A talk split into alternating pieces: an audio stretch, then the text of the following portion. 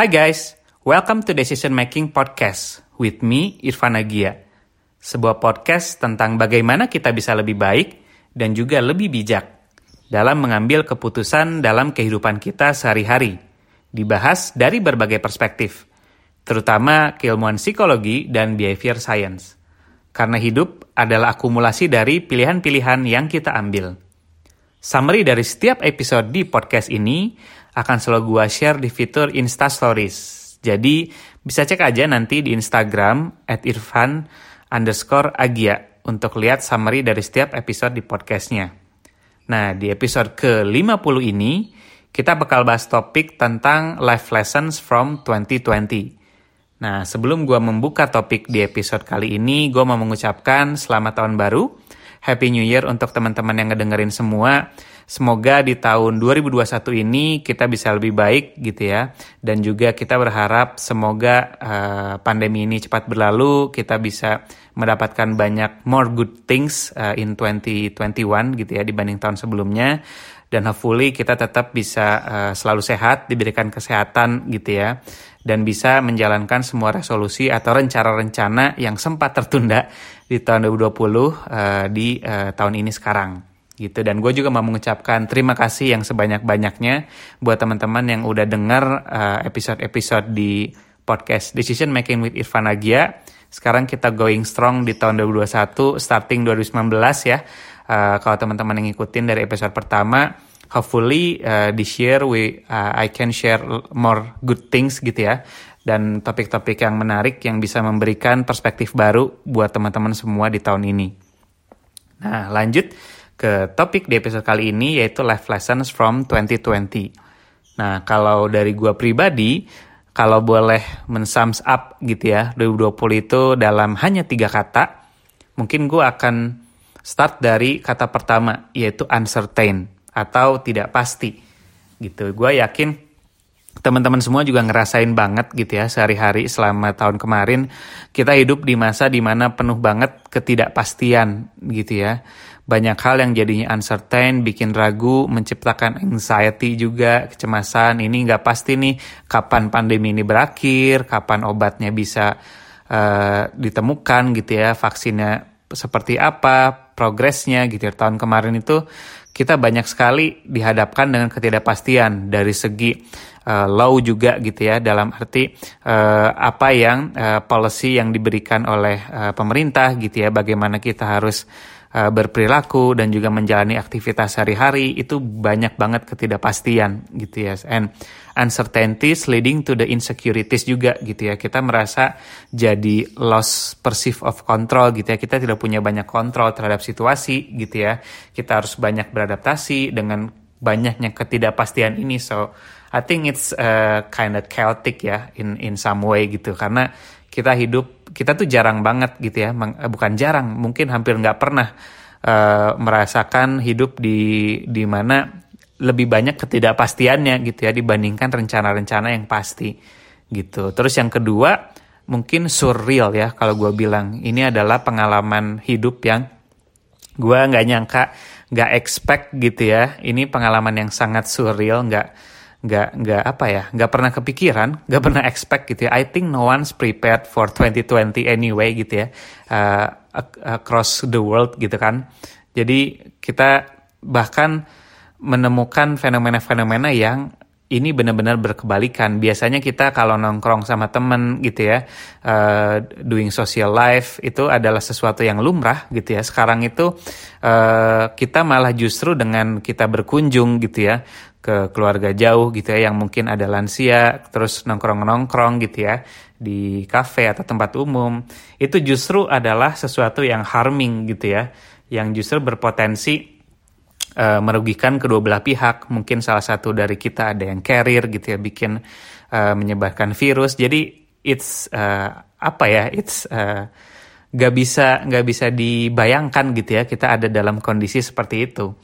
Terus yang ketiga adalah eye opening kalau gue bisa bilang. Jadi eye opening ini membukakan mata gue pribadi gitu ya terhadap banyak hal apalagi terkait rencana gitu ya. Jadi memang betul ya, manusia hanya bisa berencana, Tuhan yang menentukan tuh kayaknya benar-benar uh, terjadi gitu ya dan terasa banget di tahun 2020 kemarin gitu. Jadi eye opening bahwa kita ini banyak hal yang taken for taking for granted gitu ya. Banyak hal yang sebetulnya kita rasa itu small things tapi it what keeps us alive gitu ya. It keep us survive gitu kan, maintaining connection dalam konteks online gitu ya. Terus kesehatan itu it's really a wealth gitu ya. Health is wealth betul-betul gitu ya. Jadi banyak banget hal yang membukakan mata kita gitu ya bahwa kita nggak bisa banyak taking things for granted dan we must count our blessings gitu ya dan banyak hal juga yang membuat kita perlu meredefine uh, productivity itu seperti apa gitu ya. Karena sekarang the way we communicate the way we work itu juga terdisrupsi banget gitu kan. Nah uh, mungkin di episode kali ini gue akan share beberapa pandangan dari mulai aspek finansial, aspek kesehatan, aspek mindset gitu ya dan aspek productivity gitu ya yang uh, gue bisa share juga ke teman-teman. Mungkin teman-teman bisa resonate juga gitu ya dan mungkin merasakan yang sama. Dan ini jadi reminder kita bahwa inilah yang harus kita bawa gitu ya pelajaran inilah yang harus kita uh, refleksikan lagi gitu ya untuk kita bisa lebih baik di tahun 2021. Nah yang pertama tentang mindset gitu ya. Jadi gue banyak belajar di tahun 2020 bahwa pertama never take anything for granted gitu ya. Kita banyak lihat uh, orang atau teman-teman kita yang kena layoff gitu ya, banyak industri yang terdisrupsi gitu kan. Jadi uh, bahkan ada industri-industri yang benar-benar freeze gitu ya, terutama retail dan tourism gitu kan di awal-awal. Dan kita juga banyak uh, melihat uh, orang sekitar kita, gitu orang terdekat kita, atau bahkan mungkin kita juga kita kehilangan orang-orang terdekat karena uh, COVID-19 ini gitu ya. Dan kita juga uh, ter ter apa ya terdisrupsi dalam hal human connection atau human interaction.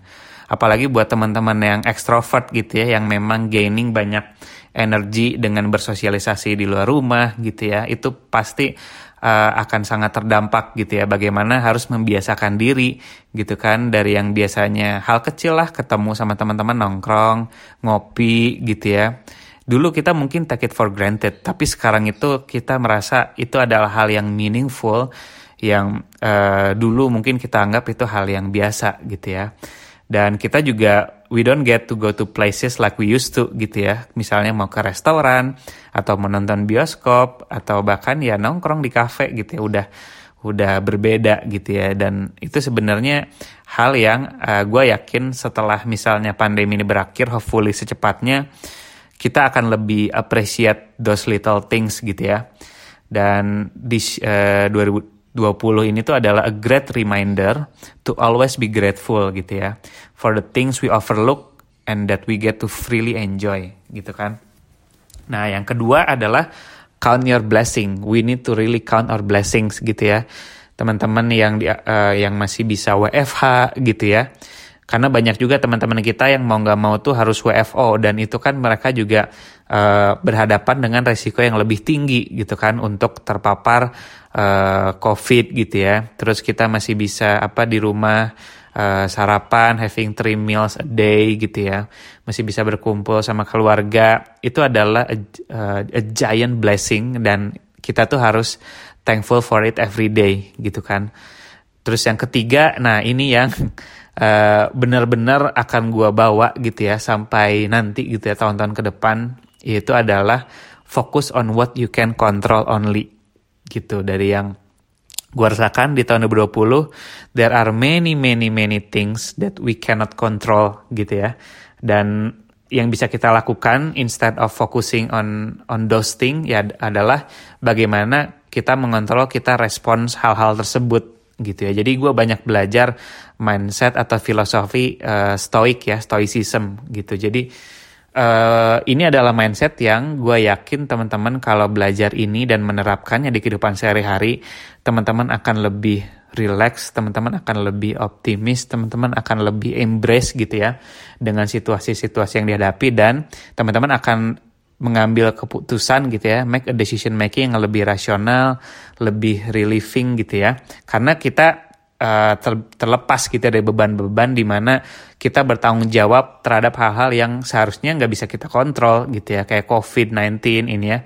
terus bagaimana orang lain di sekitar kita berperilaku itu nggak bisa kita kontrol gitu jadi gue juga banyak belajar tentang the power of ya udahlah gitu ya uh, kita juga di awal-awal banyak melihat bahwa kita tuh nggak bisa kontrol teman-teman kita yang break uh, apa protokol kesehatan rules gitu ya jadi awal-awal mungkin kita mendapatkan banyak ujian gitu ya diajakin nongkrong sama teman-teman terdekat kita atau apa acara keluarga gitu ya yang sebetulnya masih sih di dalam situasi pandemi yang membutuhkan kita tuh benar-benar harus melimitasi kegiatan uh, outdoor kita gitu ya.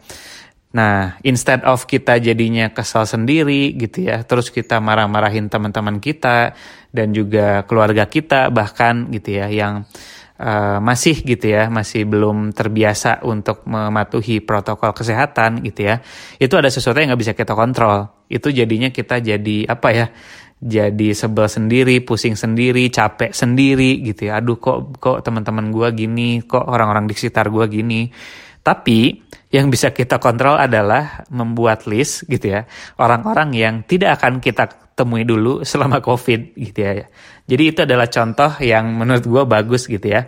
Instead of kita fokus gitu ya, uh, tanda kutip mengontrol orang-orang untuk berperilaku di sekitar kita, which is nggak bisa gitu ya. Kita nggak bisa melarang-larang, kita nggak bisa apa ya memarahi perilaku seseorang di sekitar kita tapi yang bisa kita kontrol adalah bagaimana kita bereaksi terhadap hal itu, which ya udah gitu ya silahkan aja. Tapi kita udah punya list nih orang-orang yang nggak akan kita temuin dulu selama COVID karena kita tahu gitu ya mereka punya resiko yang besar gitu ya karena kalau kita lihat sendiri mereka misalnya masih nongkrong, main segala macam gitu. Terus yang keempat dari aspek mindset adalah learn to have passion atau kata kunci utama adalah sabar gitu ya. Sabar ini adalah kata yang mudah diucapkan tapi sangat sulit gitu ya untuk dilakukan dan di diamalkan lah ya gitu sabar. Jadi kayak passion ini adalah sesuatu yang diasah banget gitu ya selama masa pandemi gitu kan karena kita punya banyak banget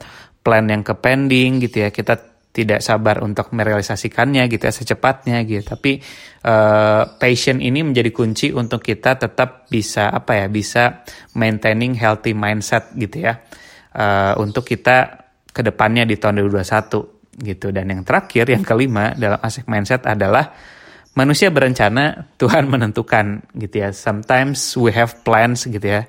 Kita di tahun 2020 udah pengen misalnya liburan, udah pengen ngelakuin hal-hal yang apa ya, yang kita udah rencanakan dari tahun 2019, tapi it all crash gitu ya. It all uh, must must be pen, pending gitu ya harus dipending harus tertunda gitu ya. Life has other plan but that's okay gitu ya. Life and time itu memang uh, work in a strange way ya gitu. Jadi uh, kembali lagi gitu ya we can do our best dalam planning sesuatu tapi in the end uh, banyak hal yang nggak bisa kita kontrol yang justru itulah yang akan menentukan gitu ya rencana kita ke depannya. Nah terus aspek kedua tentang kesehatan health Nah, selama tahun 2020 gue jadi sangat sangat uh, merasakan bahwa health is really wealth gitu ya. Sehat itu benar-benar adalah uh, apa ya uh, sum, kekayaan juga gitu ya sesuatu yang sangat valuable gitu ya. Dan itu tuh bukan cuma bukan cuma jargon belaka health is really really wealth gitu ya.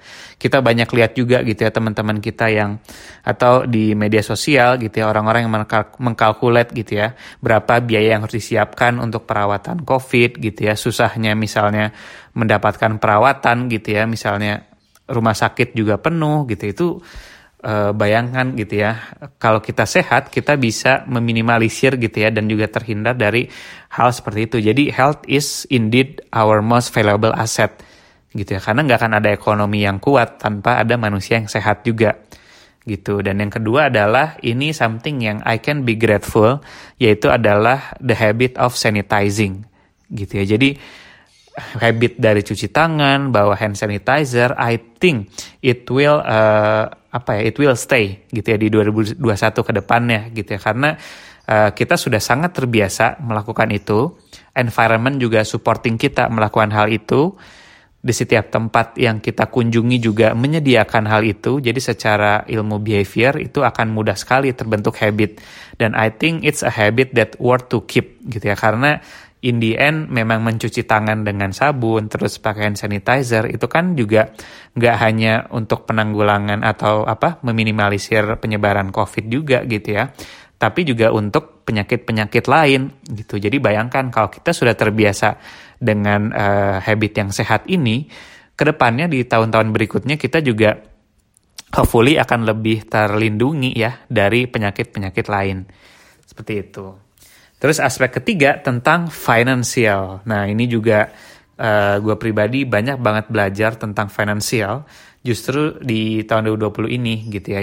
Terutama ada yang pertama saving money gitu ya dan investing gitu. Jadi uh, salah satu blessing in disguise-nya adalah budget-budget uh, gue pribadi buat traveling gitu ya di tahun 2020 itu kan jadi cancel semua, ke pending semua gitu ya uh, plan-plan untuk traveling gitu ya, plan-plan untuk going outdoor lah atau aktivitas-aktivitas lain, uh, gue bisa jadi savings banyak gitu ya di tahun 2020 ini kalau gue pribadi gitu. Jadi gue juga jadi terimain tentang cash flow gue tiap bulan gitu. Jadi gue bisa tahu nih mana-mana aja uh, pengeluaran-pengeluaran yang mungkin kurang esensial gitu ya, yang bisa gue alihkan untuk akhirnya jadi ditabung gitu ya terus juga tentang investing gitu. Jadi uh, gue tuh sangat tertrigger juga dengan uh, apa ya dengan statement banyak orang kaya baru gitu ya. Biasanya tuh lahir dari krisis gitu. Itu adalah satu apa ya uh, moment of truth lah ya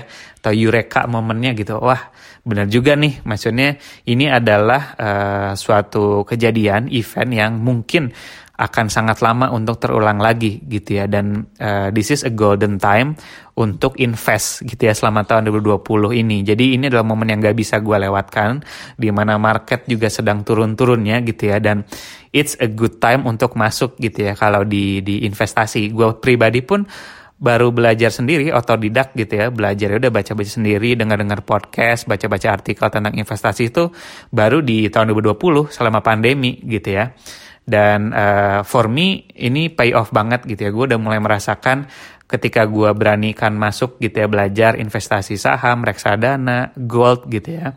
Dan sekarang nih ketika market udah mulai recovery, uh, udah mulai merasakan tuh gitu ya profitnya gitu kan. Sudah mulai banyak yang uh, ijo lah ya udah banyak yang ijo gitu. Jadi uh, ini juga membuat gue uh, memiliki investing mindset gitu ya. Jadi itu adalah silver liningnya dari uh, pandemi kemarin gitu ya. Jadi uh, be greedy when others are fearful gitu ya. Itu powerful banget sih dari Warren Buffett ya. Jadi ketika orang lain takut masuk uh, market gitu ya. Tapi uh, gue malah masuk gitu ya. Karena itu harganya lagi banyak yang murah gitu ya. Saham-saham reksadana gitu kan seperti itu. And uh, one other thing adalah we need to be always financially prepared gitu ya. Uh, dana darurat itu tuh harus banget dijadikan prioritas ya teman-teman untuk uh, mengarungi tahun-tahun berikutnya karena kita udah dapat lesson learn besar banget dari pandemi ini gitu ya. We need to always be financially prepared in the rainy days gitu ya. Nah, terus dari aspek yang keempat tentang social life gitu ya. Jadi ini juga gue merasa bahwa memang human itu betul-betul adalah social creature gitu ya. Kita memang eh, nggak uh, bisa hidup sendiri gitu ya. We need uh, human interaction, we need friends, we need family gitu ya. Jadi staying connected with family, friends, and coworkers juga is crucial gitu ya. Is is very crucial untuk memaintain our sanity, our well-being juga gitu ya. Dan mau nggak mau kita harus adapt nih dengan cara baru, dengan online gitu ya uh, tapi tetap harus bisa terkoneksi. Gitu. Nah aspek terakhir adalah tentang working and productivity. Gitu ya. Jadi lesson learn juga kalau gue lihat adalah uh, kita harus meredefine gitu ya perspektif kita terhadap produktif. Karena banyak banget kalau gue lihat orang-orang yang akhirnya jadi merasa uh, left behind gitu ya dan juga merasa jadi uh, stres sendiri karena merasa tidak produktif selama pandemi gitu ya. Dan bahkan kalau gue bisa bilang sekarang taking a break is also productive gitu ya. Jadi it's okay not to be okay juga gitu. Jadi uh, dalam konteks bekerja dan produktivitas gitu ya ini tuh udah berubah banget gitu ya. Jadi dengan kita tetap bisa maintain our sanity maintain our health gitu ya dan kita juga jangan apa jangan ragu untuk meminta break gitu ya kepada kolega kita, kepada manajer kita gitu. Karena taking break itself is also productive gitu ya. Dan gue yakin banget gitu ya di di masa pandemi ini gitu kan work from home itu juga menjadi apa ya menjadi kunci gitu ya untuk tetap bisa buat menjaga productivity tapi juga menjaga well-being kita juga gitu ya. Karena uh, kita juga punya apa ya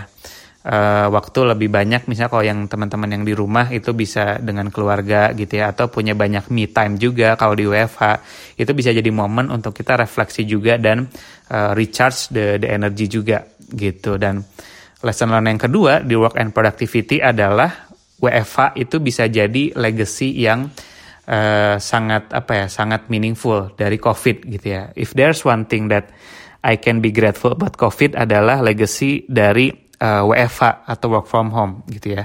Dulu kan sebetulnya work from home itu tabu ya teman-teman. Jadi mungkin masih banyak manajer atau leader yang merasa, waduh anak-anak yang minta WFH nih kayaknya mau santai-santai aja gitu ya di rumah gitu ya lebih nggak produktif gitu kan ada keraguan dan dap seperti itu tapi sekarang WFH membuktikan gitu ya bahwa productivity tetap bisa jalan gitu ya tetap uh, kerjaan tetap bisa apa tetap bisa produktif gitu ya tanpa mengorbankan hal, -hal lain.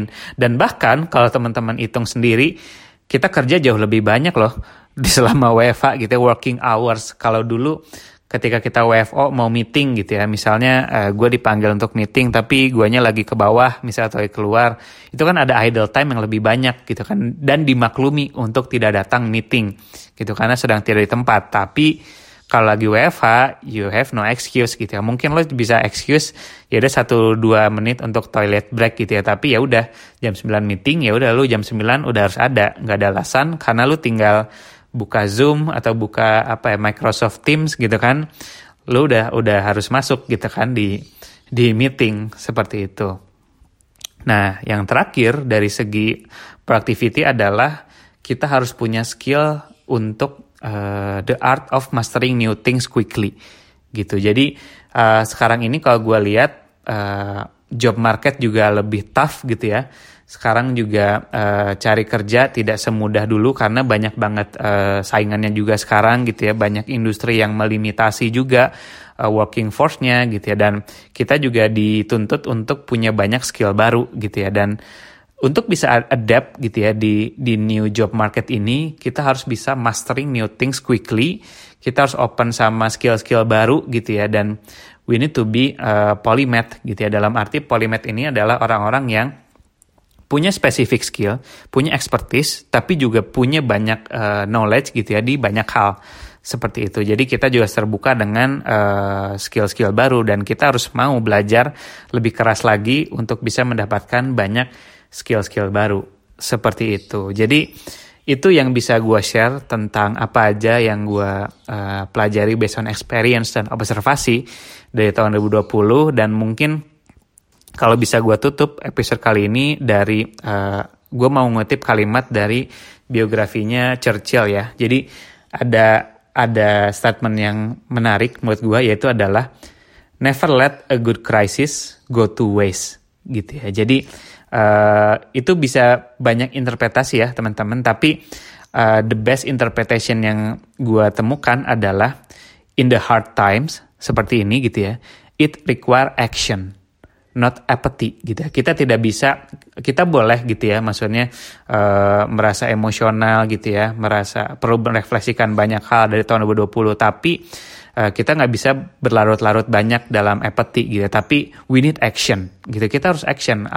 Kita harus melakukan sesuatu gitu ya selama uh, ini gitu ya. Whenever we are facing hardship baik itu secara personal, profesional atau general situation, kita harus tanya diri kita, apa yang bisa kita lakukan what are action that we can we take gitu ya untuk uh, selama uh, pandemi ini gitu ya. Jadi 2020 ini adalah uh, tahun-tahun banyak ketidakpastian, banyak krisis juga, but uh, kita juga harus tahu bahwa in every crisis there is an opportunity. We need to take action gitu ya, berdasarkan apa yang sudah kita pelajari. Dan, dan di sinilah tahun 2021 we must uh, continue to implement good things yang sudah kita uh, lakukan di tahun 2020 Seperti itu. Oke, okay? dan always look for a silver lining. Oke, okay, thank you buat teman-teman yang udah uh, dengerin episode di kali ini. Nah, di episode selanjutnya, uh, gue bakal bahas topik yang lebih detail lagi, lebih mendalam tentang stoicism, gitu ya, atau stoik, gitu. Cara berpikir uh, stoik inilah yang I think one of the most thing that I grateful for, gitu ya uh, di mana gue sangat apa ya sangat terinspirasi dan sangat uh, menerapkan mindset mengenai stoicism ini gitu ya dalam kehidupan sehari-hari yaitu fokus on thing that you can control only gitu. Nah, sampai jumpa teman-teman di episode ke-51. Kalau ada request atau masukan tentang feedback, boleh banget email atau message gue di Instagram at irfan underscore agia. Kalau teman-teman merasa topik-topik di podcast ini berguna atau memberi wawasan yang baru, please share it to others. Bisa bagikan link konten podcast ini di Instagram. Because sharing is caring. Thank you, uh, stay safe, stay healthy, uh, stay sane, dan sampai jumpa di episode berikutnya.